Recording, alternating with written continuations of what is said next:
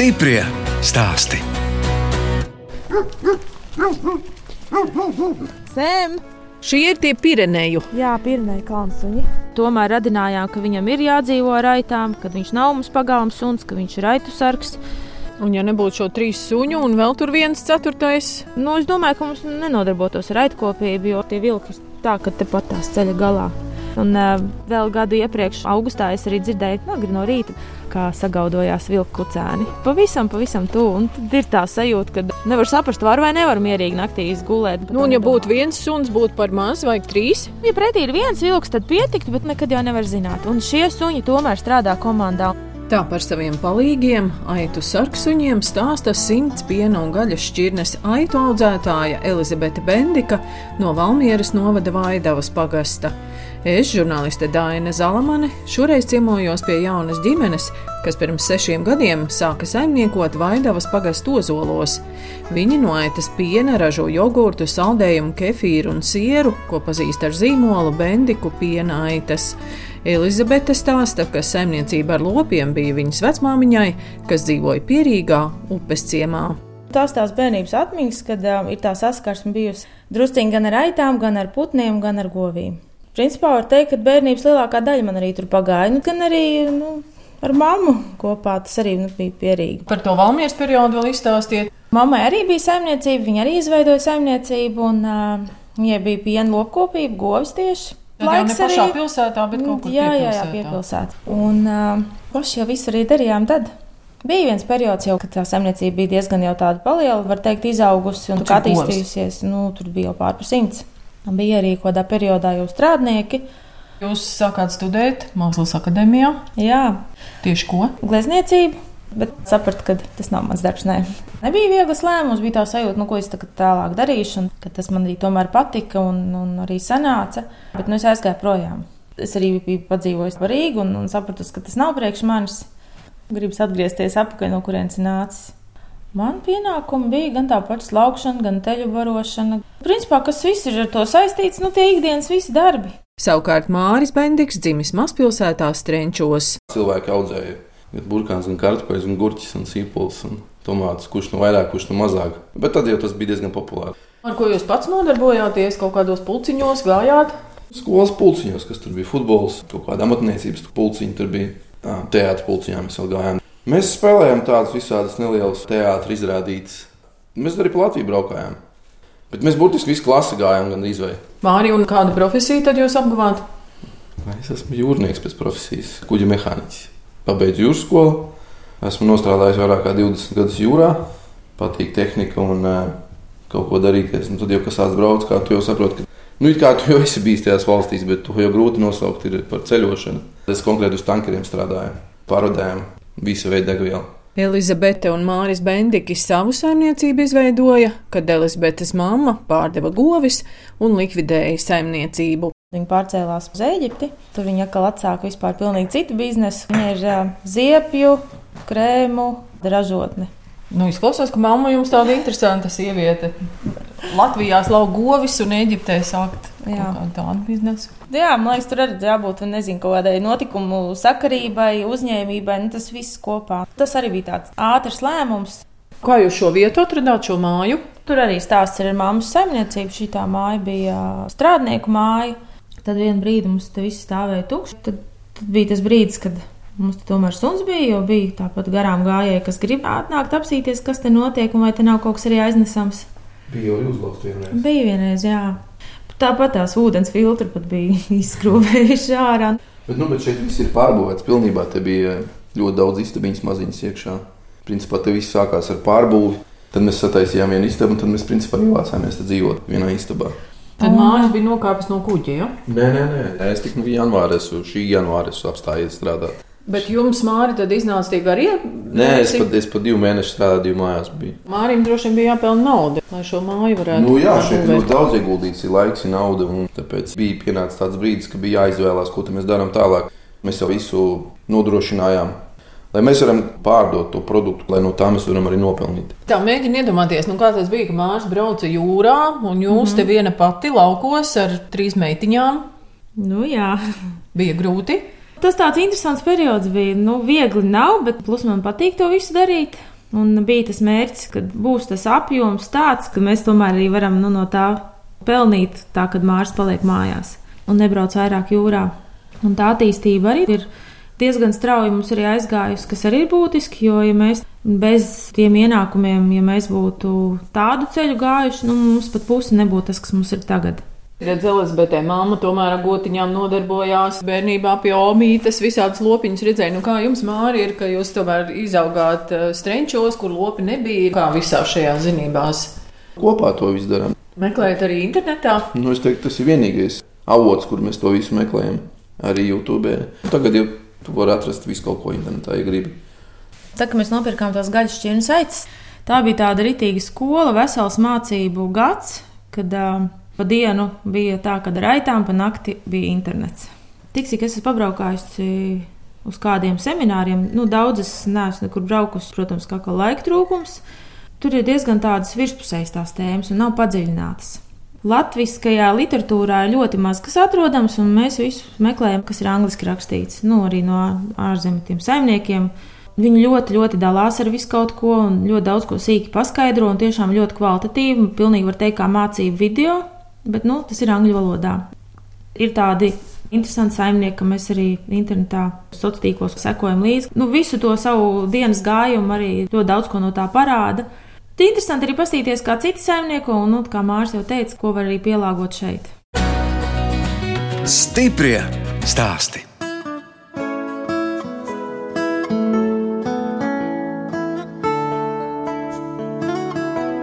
Jūs klausāties redzējumu stipri stāstī. Šoreiz ciemojos pie Elizabetes un Māra Bendikiem Valmieras novada Vaidavas pagastā. Viņi saimnieko nelielā platībā, 10 hektāros. Saimniekiem ir arī 5 hektāri meža. Viņi audzē simts aitas, ostfrīzijas piena un sufolkas gaļas šķirnes aitas. Ganāmpulks ir labi pārredzams pa plašajiem viesistabas logiem. Tās mums ir pusaudzīši, tās ir jaunaitiņas. Un tās tumšās? Tās ir arī ostrīzijas pienaitas. Principā viņas ir melnas, bet tā virsējā kārtiņa vilnē viņa izbalē saulē. Viņa izstāsta tādu šokolādes brūnu. Pusauģa aitiņas viņas tur slēpjas, viņām tur tāds maziņš jumtiņš. Jā, no lietus. Tas jumtiņš ir tā, ka vairāk no saules, kur patvērties. Piena aitas. Jā, tās... Kāpēc tāda izvēle? Es tiku pie ostrīzijas piena auna, teķa pareizāk. Tad es vairāk sāku pētīt, kas tas ir. Tieši vidēji meitai izties, kad ir problēmas ar govspienu. Bija tā doma, protams, ka pirmais, kas ir tās kazas, un mums arī bija trīs kazas. Un tad, kad uzzinājām, ka ir arī pienaicis, kā noriskējām, mums bija tie pirmie krustojumi, merino un tumšgālu krustojumiem. Un tad jau mēs pirmo reizi arī nogaršojām to pienu, sapratām, ka viņš ir nu, ļoti garšīgs, viņš ir tāds salds un bez tādām ļoti specifiskām īpatnējām garšām. Saimniecībā ir arī 20 gaļas šķirnes lopi un 4 zilās govis. No sākuma mēs nopirkām zilās telītes, tad visu pareiķinājām, ka tomēr paņemsim arī zilo govi. Es viņu arī slaucu, ir arī kam interesē govs piens. Tieši vēlas zilo govu pienu. Tas, kas ir paliek pāri, tas piens, tas tomēr arī aiziet teliņiem, jo ir ļoti liela starpība. Viņi dabū govs pienu, tādu dabīgo īsto vai piena maisījumu. Tad norskējām paņemt vēl vienu. Mēs paņēmām no universitātes tās saimniecības vecauce. Vecauce, jā, viņiem, jā. jā, jā. Nu, tad no ziemas mums ir divas. Un, nu, man tā, tā doma nobarot un arī varbūt iegūt īpašāku gaļu. Mēs vēl nezinām, kā gaļa garšo, Bet mēs esam novērojuši, teiksim, ka ziliem viņiem vienalga maziņš vai liels, viņiem ir cita tā arī izelpas smarža, saldena tāda. Vistiņas tad ir tikai pašiem, ja? Nu jā, tās ir drusciņi gaļas, vistas ir arī dējai, vistas. Nu, tās lielākas augumā izskatās, jā. jā. Vistiņām ar tur tāda nojumīta ir, ja? Kur tāda, jā. tādā nesmukā laikā viņas arī var patvērties. Mm -hmm. Jā, mums no sākuma bija tā, ka mēs viņus turējām tiešām kūtiņā, domājām, ka viņām nav par, par augstu. Bet nu, jau kādas trīs ziemas, ja visām ir iespēja gan iet, mums arī tāda tur uz to pusi ir mājiņa, arī nav siltināta, vienkārši tīri, kur patvērties. Viņas izvēlās nakšņot kokos. Tad, kad bija ziemā, nu, tie mīnus jau bija 18 grādi, un tiešām bija nepatīkams vējš. Tās bija divas vienīgās naktis, kad viņas tiešām visas iegāja tajā noimītē savā gulēt. Pārējā visā laikā, vienalga cik bija mīnus, viņas nakšņoja kokā. Plūmēs un, un ābelēs. Arī aitām nav sava kūts, bet novietne ar plēves jumtu, kam malas norobežotas ar dēļiem. Lieli palīgi ir arī aitu ganāmpulka sārgi, vidusāzijas aitu suns un trīs pirenēju šķirnes suņi, ko pa gabalu pat grūti atšķirt no aitām. Šī ir ļoti populāra Francijā, un principā viņi nāk no Francijas. Arī Amerikā un Kanādā. Nu, jā, bet, bet, bet, bet nāk viņi no Francijas tā šķirne. Jā. Tur ir iespēja nopirkt suni, kas ir gatavs jau ganāmpulkam. Viņš ir uh, apmācīts, Tur jau arī cena līdz ar to ir vairāki tūkstoši. Sargu suņi sargā no plēsējiem, jo tieši mūsu šajā vietā ir uh, gan lūši, nevis viens, bet vesela ģimene. Pagājušā vasarā sevišķi es ļoti izteikti arī dzirdēju, ka viņi ļoti tuvu nāca klāt, viņiem ļoti specifiski rejieni.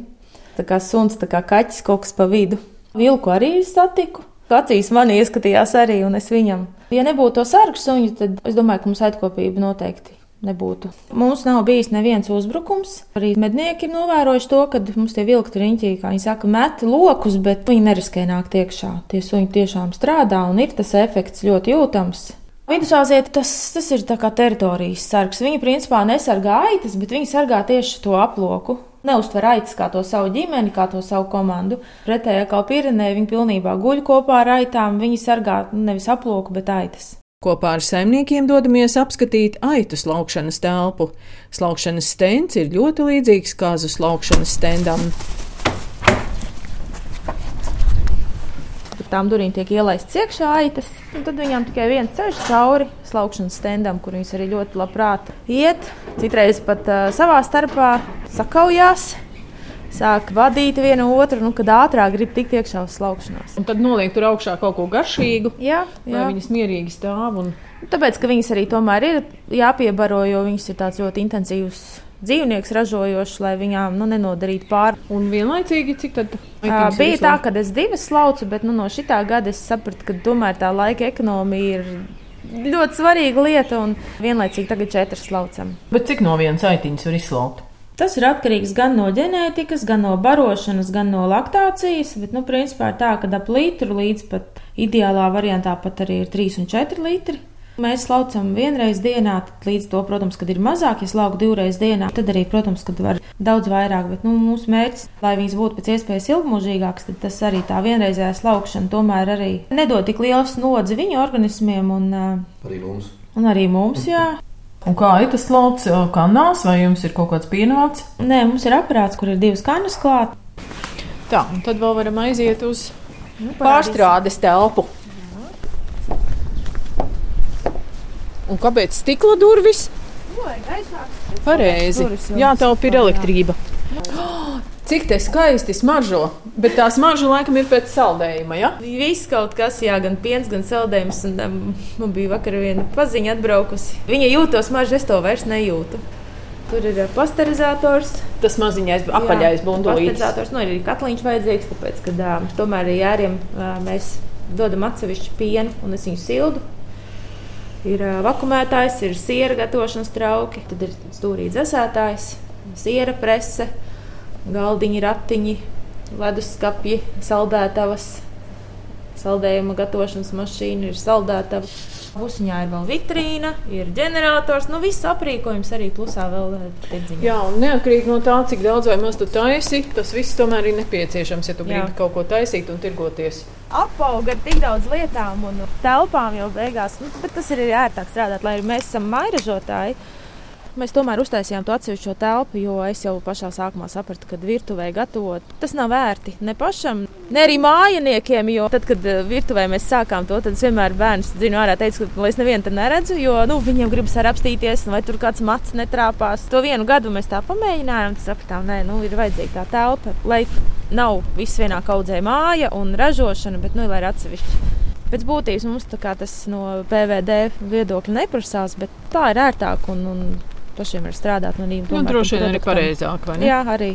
Jā. Ļoti daudz eksperimentu. Tā produktu ražošanu no aitas piena raksturo Elizabete. Bija arī neveiksmīgi mēģinājumi. Un, Tas ir visiem. jā, kamēr iemācies, kamēr saproti. Un, un patreiz man tas mērķis ir um, uztaisīt biespienu, bet nu, tādu, kādu es tā kā esmu iztēlojusies. Pagaidām man viņš nav vēl sanācis. Pagājušajā gadā mēģinājām ar kefīru, un viss jau bija labi, bet nu, šogad es esmu kā uztrāpījusi beidzot uz to kur bija varbūt kaut kādas mazas kļūdiņas, un viņas varbūt ir ļoti, ļoti niecīgas, bet uzreiz nesaprot. Kefīram tad vajag kaut kādu ieraugu? Jā, nu, mēs strādājam ar ieraugiem, jo paredzamāk tad ir stabilāk. Un tad vēl top saldējums. Jā, saldējums, sieri. Gatavinātiem sieriem mums vēl piena daudzums nesenāk, bet uh, esam tos arī pamēģinājuši. Bet, nu jā, tas ir mūsu nākošais solis, arī tie gatavinātie sieri. Un saldējumu kādu jūs gatavojat? Izmantojam sezonas tos, vai nu augļi, vai ogas. Mēs izmantojam vai nu savu audzēto, vai kādu tuvāko saimniecību audzēto. Nu, zemes mēs pērkam, bet upeņus un navenes ir pašiem. Ir arī meža ogu, kā brūkleņu, lāceņu, medus. Teiksim, tas ir tāds saldējums vispār bez cukura. Bītas mums pašiem arī ir nu, tīri arī savām vajadzībām, un drusciņi pārpaliek, tad arī sanāk saldējumam. Nu, saldējumu droši vien testē meitas, vai ne? Jā. Nu, atnāc pastāsti. Šī ir vecākā meita. Ja?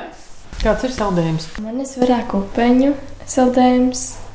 Man arī taisa kafijas saldējumu, zemeņu saldējumu. Brūkleņu, zinu, ka tev garšo. Nu, saldējums droši vien ir mīļākais ja, no tiem produktiem, ko mamma taisa. Tā ir? Jā. Saimnieki izmēģina arī dažādas piena pārstrādes iekārtas, ko iegādājušies nevis rakstot projektus, bet par savu naudu. Pirmkārt, tev jāsaprot, ko tu gribi taisīt. Ja tu gribi taisīt saldējumu, Nu, varbūt tās iekārtas nevajag tik daudz, bet, ja tu gribi vairāk ko taisīt, tad tur attiecīgi vajag iekārtas. Viss. Tā ir dārgāk, tā ir lētāk, tur ir labāka kvalitāte. Kad mēs vispār sākām ar pienētām nodarboties, mēs, protams, mēs nebijām domājuši, ka mums vajadzēs tik daudz iekārtu un ka tas arī ir tāds ieguldījums. Bet visu laiku ir tā bijis, ka kāds notikums jau dzēn uz priekšu, tomēr jānopērk kaut kas. Vajadzētu vēl kaut ko nopirkt, un tad sākam domāt, tad šito vai to. Un tad arī vēl tā izvēlējās iekārtās. Katrai kaut kāda sava nianses, bet īsti līdz galam nevar neviens paskaidrot, kāpēc šitā būtu labāka vai efektīvāka par to. Mums tā ir gājis ar saldējumu aparātu. Divi pilnīgi dažādi varianti. Nu, kā to vispār var saprast? Izmēģināt abus. Jā, bet tā arī bijis. Un tad saprot, ka tas nav tas, kas ir gribēts. Pērkās otrs aparāts, un tad saprot, ka ā, tas ir īstais. Un kur to pirmo likt? Pārdot. No viena gala pārdot. Kaut kur galvā tu esi izdomājis, ka nu, viņš man garšo šī tādā veidā. Ēnam bija pašķīdra, ne bija cietāk, gribās, bija elastīgāk, gribās. Nu, tā ir skama ar sataisi. Varbūt es nebūtu iedomājies pirms pieciem gadiem, kad sīkākām detaļām ir tik liela nozīme. Kad jūs braucat uz tirdziņu, jums joprojām ir jāstāsta, ka tas pieniņš ir no aitām. Vai cilvēki jau zina? Katru reizi mēs tik, tagad sākām kopš marta. Drusciņi es pamēģināju pagājušajā gadā pie vienas pazīstamas. Nu, mums tur bija tāds, kā mēs saucām, pagānu tirdziņš, bet īsumā viņš bija ļoti apmeklēts. Tā, ka cilvēkiem bija interese un, un likās, ka kaut kur vēl pusē. Jā, un likās, lai tiešām uz lauku saimniecību kāds tā brauks. Bet, uh, Mēs tur bijām savākušies piecas, laikam, saimniecības. Katrs pilnīgi dažādi, nu, arī ir interesanti cilvēkiem. Un, un pirmais pats tāds uzreiz tāds lielā pieredze bija. Rīga Food. Jā, mums uzaicināja Čīpsalu. Inovācija centrs mums uzaicināja piedalīties visas trīs dienas. Pirmoreiz startējām. Tur arī nevarēja jau šādi aizbraukt. Tad tur bija priekšauti jāuši, bija saldējuma mašīna jāpērk, saldētāji. Cieri būs noteikti, tur ir atlicis pabeigt vēl pagrabu to visu taisīt un glabāt. Teicāt, dienā jūs izslaucat no visa ganāmpulka 20 litrus. Izklausās maz, kā nu, jā, no gotiņas. Bet, bet sarēķinot, uh, cik ir nedēļā, sarēķinot to, cik sanāk, kad var sataisīt produktus. Un, nu, mēs tā kā neejam uz to kvantitāti, bet uz kvalitāti. Un cik bieži tad jūs pārstrādājat to pieniņu, jūs jau droši vien krājat? Jā, ir kāda diena, ka pakrāja, nu, teiksim, divas vai trīs, tad korekcijas arī laikapstākļi un citi darbi ievieš. Nu, redz, jums diezgan daudz tās nozares kopā sanāk. Ir saimnieki, kas tomēr specializējas uz kaut ko vienu, un ir tādi, kuriem ir no visa kā pa druskai. Nu, man jau liekas, ka prātīgi ir tomēr, kad ir visa kā pa druskai. Kad kādā brīdī kaut kas ienes mazāk, tad atkal kaut kas cits atkal tajā brīdī to līdzsvaru notur. Mums ir viens projekts, viņš tagad ir tikko beidzies, tur mēs ņēmām traktoru un piekabi. Tā ir tā īsta vedamā speciālā piekabe. Redzat, tā metāla tā. Tā pelēkā. Jā, jā, viņa visa no alumīnija ir rampu speciāli. Viņā ļoti ērti vest dzīvniekus. Kas jums tas bija par projektiņu? Kaut kāds lada? Lada, jā.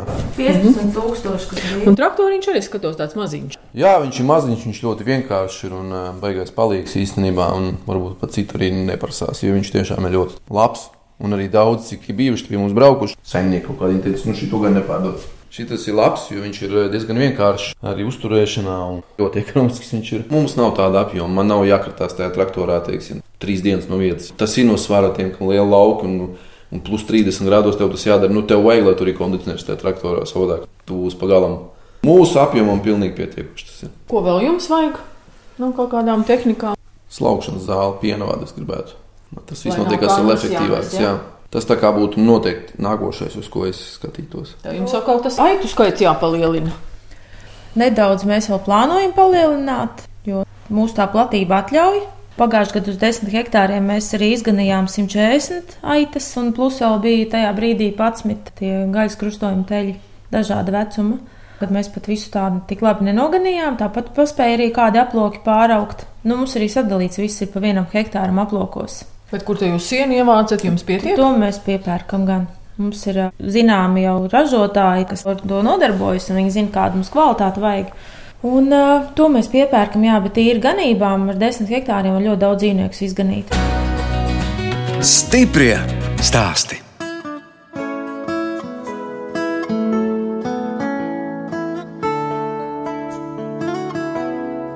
Jūs klausāties raidījumu stipri stāstī. Turpinot ciemoties pie piena aitu saimniekiem Elizabetes un Māra Bendikiem Valmieras novada Vaidavas pagastu ozolos.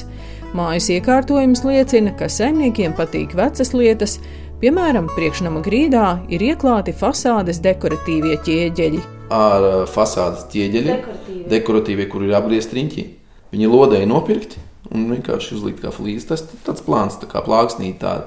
Bet likām otrādi, viņi tādi apgriezti nelīdzeni. Tur redz to ripas griezumu. Īstenībā viņš jāliek otrādi. Bet nu, mums sanāca tāda veca stila grīda. Jo parasti ķieģeli arī bija iespēja likt, bet tad mums tā grīda ļoti augsta sanāk, jo tā ir siltā grīda mājas vidu visu. Mēs negribējām arī likt, kas ir tradicionālās flīzes, nu viņas ir visur. un Tad kaut kā vairāk šis te mums pašiem likās, ka būs mūsu īstais variants. Personīgi man arī Elzbietē patīk šāda veida stils. Man ļoti patīk senlaicīgas lietas. Un, ā, Koka ies, un koka logi un palodzes skaistas. Nu jā, mums paveicies Vaidavā. Mums dzīvo tāds foršs eh, galvenieks, Pēters, kas mums ir grīdu šo uztaisījis, salicis un palodzes un to virtuves mēbeli kopā ar dēlu. Viņi nekad neko tādu nebija taisījuši. Kā jūs teicāt, simtgadīgs? Jā, simtsgadīgu guļbūvi sagriezt dēļos un uztaisīt eh, virtuves mēbeli. Tur pat iekšā bija kaut kādas šķēmas, kas bija palikušas arī no kara laikiem. Tad uh, ar to, kas ir tas metāla detektors, to gāja pāri, lai nesabojātu zāģi. Tā mums jāiet apstīties Elizabetes glezna. Tāds, varētu teikt, uzstādījums. Jā. klusā dabā. Tas ir no akadēmijas laikiem. Jā. Tur ir augsts, podā. Tad ir tāda kā teikaniņa, tad ir tāds uh, dekoratīvs elements, meža rūķis un smilšu pulkstenis. Vēl siena ar kaļķi tālāk jānokrāso, jo mēs tā kā izvēlamies tādus dabīgos līdzekļus. Un arī tie skāpīši, un arī tās bufetes, jā, tādā senlaicīgā stilā. Mēs jā, esam viņus iegādājušies antīko preču veikalā, jo no vienas puses arī otrā dzīve mēbelēm. Viņas arī ir ar savu vēsturi. Saimniekiem ir trīs meitas ar neparastiem vārdiem - Imants, Lorēna un Marsela. Meitas mācās Valmieras zaļajā skolā. Mēs tur varam līdz pieciem viņus atstāt līdz četriem. Nu, jeb kā mums vajag. Viņas tur tiek pieskatītas, pabarotas. Un arī tas, ka uz māju nenestos mājas darbus, līdz to mums ir ērtāk. Tad, kad bija tas māju mācības periods, mums viņš bija diezgan grūts un smags, jo pirmā klase un trešā klase viņi patstāvīgi vienkārši to nespēja izdarīt. Kad es sapratu, ka tās pirmās dienas aizietajās mācībās, kā no rīta sāc tā līdz sešiem vakarā, un kad ir ārā visi tie darbi, un plus vēl kaut kas jāsāk gatavot, tu saproti, ka vienkārši arī tev nakts ir pa īsu. Es esmu noteikti par mācībām skolā, nu nevis tā kā māju mācībās, jo Es domāju, cik daudz bērniem vecākiem tajā periodā ir bijušas sabojātas attiecības. Skolotāju bērns tomēr uztver vairāk vai mazāk par skolotāju, bet, ja tas ir mājas vidē un ar vecākiem, nu, teiksim, mamma vai, vai teicis palīdz tajās mācībās, tas jau ir gan cita uztvere, gan cita kvalitāte, un skolotājs jau ir mācījies to. Viņš zina tās metodes, kā ar kuru strādāt. Nu, tas ir grūti. Nezinu, skolotājiem ir cepurnos. Kāds, kurš nevar būt skolotājs, tas ir viennozīmīgi. Tas ir ļoti, ļoti smags darbs. Cenšamies atrast laiku, gan kādus koncertus apmeklēt, reizē uz restorānu aizbraukt. Jo, nu, tas ir tā, ka savādāk. Tomēr nevis, ka to mājās gatavo, bet tomēr to vidi bišķiņu pamainīt. Un kur jūs pirmos koncertiem braucat? Tepat jau apkārtnē, kur jau baigi mēs nebraucam, vai nu tā ir Valmiera, vai nu tās cēs. Nu, šovasar labi, ka būs kaut kāda koncerta, tad jau noteikti mēs atradīsim laiku aizbraukt. Kādu pilsētas svētku. Mārī, jums jūra nepietrūkst, Nē, bet braucat arī uz jūru vasarā. nē, nē, nē. es arī, kad eh, braukāju uz kuģiem, man īsti nekad nav bijusi tāda vēlme braukt uz pašu jūrmālu. Es labāk uz Vaidovas ezeru aizbraucu vai uz Gauju. Man tās vietas patīk labāk. Man nekad nav gribējies braukt kaut kur atpūsties kā turistam. Mājās patīk.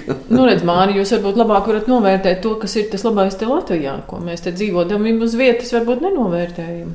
Noteikti tā ir vide. To, ka tu zini visus, visi zina tevi, tu zini, ka tev ir slikti, pie kā aiziet, tu zini, kur ko dabūt šeit. Jo ārzemēs jau tā nebūs. Tur tu būsi kā iebraucējs. Neviens nekā tevi neuztver par līdzvērtīgu. Tu vienmēr būsi kaut kāds svešinieks. Un vienmēr par tevi būs tāda attieksme. Viņa nebūs slikta, bet viņa būs vienmēr ar distanci. Kad es biju jaunāks, bija man ļoti lielas domas pārcelties uz to pašu Kanādu. Man šausmīgi vilināja Kanādu un uh, Austrāliju. Tad man arī Zviedrija ļoti patīk. Es nezinu, varbūt tā vide man kaut kā liekas. Elizabete, jūs būtu braukusi līdzi? Ja tas būtu jā, kaut kad sen atpakaļ, tā it kā mums pat bija tās domas, pat tiešām arī diezgan nopietni bija uz to pašu Austrāliju. Nu, nekad jau nevar zināt, arī, kas uz priekšu, kad kā būs. Un, un, un man mamma arī nu, jau bija tuvu pie 50 gadiem, kad viņa pārcēlās. Tāpēc nu, nekad noteikti nevar teikt, nekad. Pagaidām mēs esam šeit, un šeit ir labi, un te ir mājas. Tagad vienā dienā pateikt, tev viss brauc prom, nu, diezgan grūti būtu. Nu, Dzīvojat tā kā dieva ausī visapkārt. Koki nevienu māju neredz. Cik daudz jūs ietekmē tas, kas notiek Ukrajinā, vai jūs tam vispār sakojat līdzi? Mēs noteikti sekojam. Cerams, ka tas drīzāk beigsies. Sakas jau jūt visi. Un jutīs, Un jutīs, jā, un kā tas vēl būs uz priekšu, un tas arī ir neskaidri. Un, un, Arī mums, kā lauksaimniekiem, tās pašas graudu cenas kāpjas strauji augšā. Degviela. Degviela, elektrība, jebkas. Sapņi. Nu, noteikti plānā ir uzbūvēta novietni. Tāda atvieglotā tipa, ja? Jā, viņa būs gan augstāka, gan platāka. Nu, tas ir tāds kā vasaras tāds nosprausts mērķis. Pats būvēsiet. Nu, nē. Nu, ja jūs paši jumtu uzlikāt tur ražotnē, nē, es saprotu, ka daudz ko var izdarīt pats. Bet tam ir vajadzīgs laiks. Nu, mums jau tas darbs bija pamainījies. Mums jau reāli jāpelnā nauda. nu, Elizabete, kādi jums sapņi? Visu sakārtot tā, kā mēs esam iecerējuši. Laiks iet, un, un, un arī darbi iet. Bet nedaudz vairāk vēl paplašināties, bet pagaidām neliekas, ka vēl ļoti daudz saimniecības ēkai visa fasāde, kā gribas nokrāsot. Un uh, jumtu nomainīt. Lai ir varbūt tuvāk tā sajūta, kad ir palikuši ikdienas darbi, bet no malas tie darbi nav kaut gan. Nu, viņi nekad nebeidzās. Meitas aug, viss notiek. Bet, jā, tas tālāk viņu dzīve ir paša viņu rokās. To lai viņi paši skatās, ko viņi grib darīt. Mēs tā kā nevienu te neturam un eh, nesakām, ka jūs te saimniekosiet un tev jātais būs saldējums. Tā nav noteikti. Lai viņi paši skatās, ko viņi grib darīt. Un ne visi arī var aizturēt. Ne visi var dziedāt vai lidot. Katram ir savs. Sēdošais eh, darbs pie, teiksim, pie datora, tas noteikti nav mans. Un āda jau sāk niezēt, ka man ir kaut kas ilgāk, kaut kas eh, no tiem papīra lietām, kaut kas jāsadara. Mm, Tāpēc arī ir grāmatvedis. Jo patīk tas, ka es redzu to dienas gaitu, kad kaut kā tā sajūta, ka es viņu vienkārši kaut kur nenosēžu, nepalaidu garām. Tas ir mans vienkārši. Katram ir savs. Zīties pakaļ šausmīgiem, kas saka, miljoniem. Vai tas ir vajadzīgs? Tev pietiek dzīvē, nu dzīvo. Citam ir miljons, miljards pamazs. Man vajag tik, cik man pietiek. Drīzāk ir ā, jāatrod kaut kāds līdzsvars starp ā, darbu un atpūtu, jo tas ir pēdējā laikā baigs klibo atpūta. Mēs jau smējamies, nu, kad beidzot mēs laicīgi ienāksim mājā. Nu, šovakar visi mēs nākam iekšā vismaz 9, 10. Tad bija tā, ka 11, 12. un tad bija viens brīdis, kad mēs divos naktī sākām nākt mājās, un tad jau bija pa daudz. Es teicu, viss man jau kā. Bet es eju 12, 11 iekšā līdz dienam, es nesēdēšu ārā. Nu, tad man šodien mierīgi sirdsapziņa, ja līdz lietus kā ārā neko daudz nevar darīt. Ja? Nu, Var parunāties. Iekš, iekšā ir daudz darba. Tāpat ir atkal produkti, ir pasūtījumi, un, un vēl šodien ir gara darba diena vēl priekšā.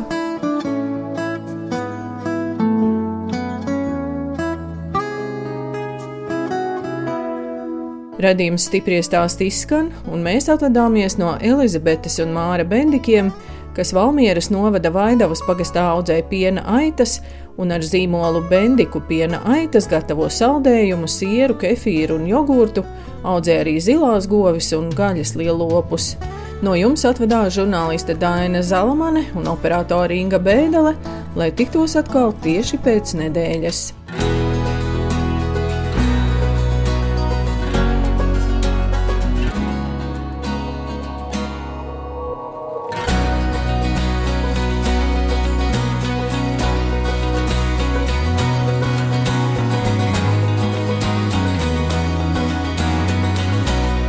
Stiprie stāsti.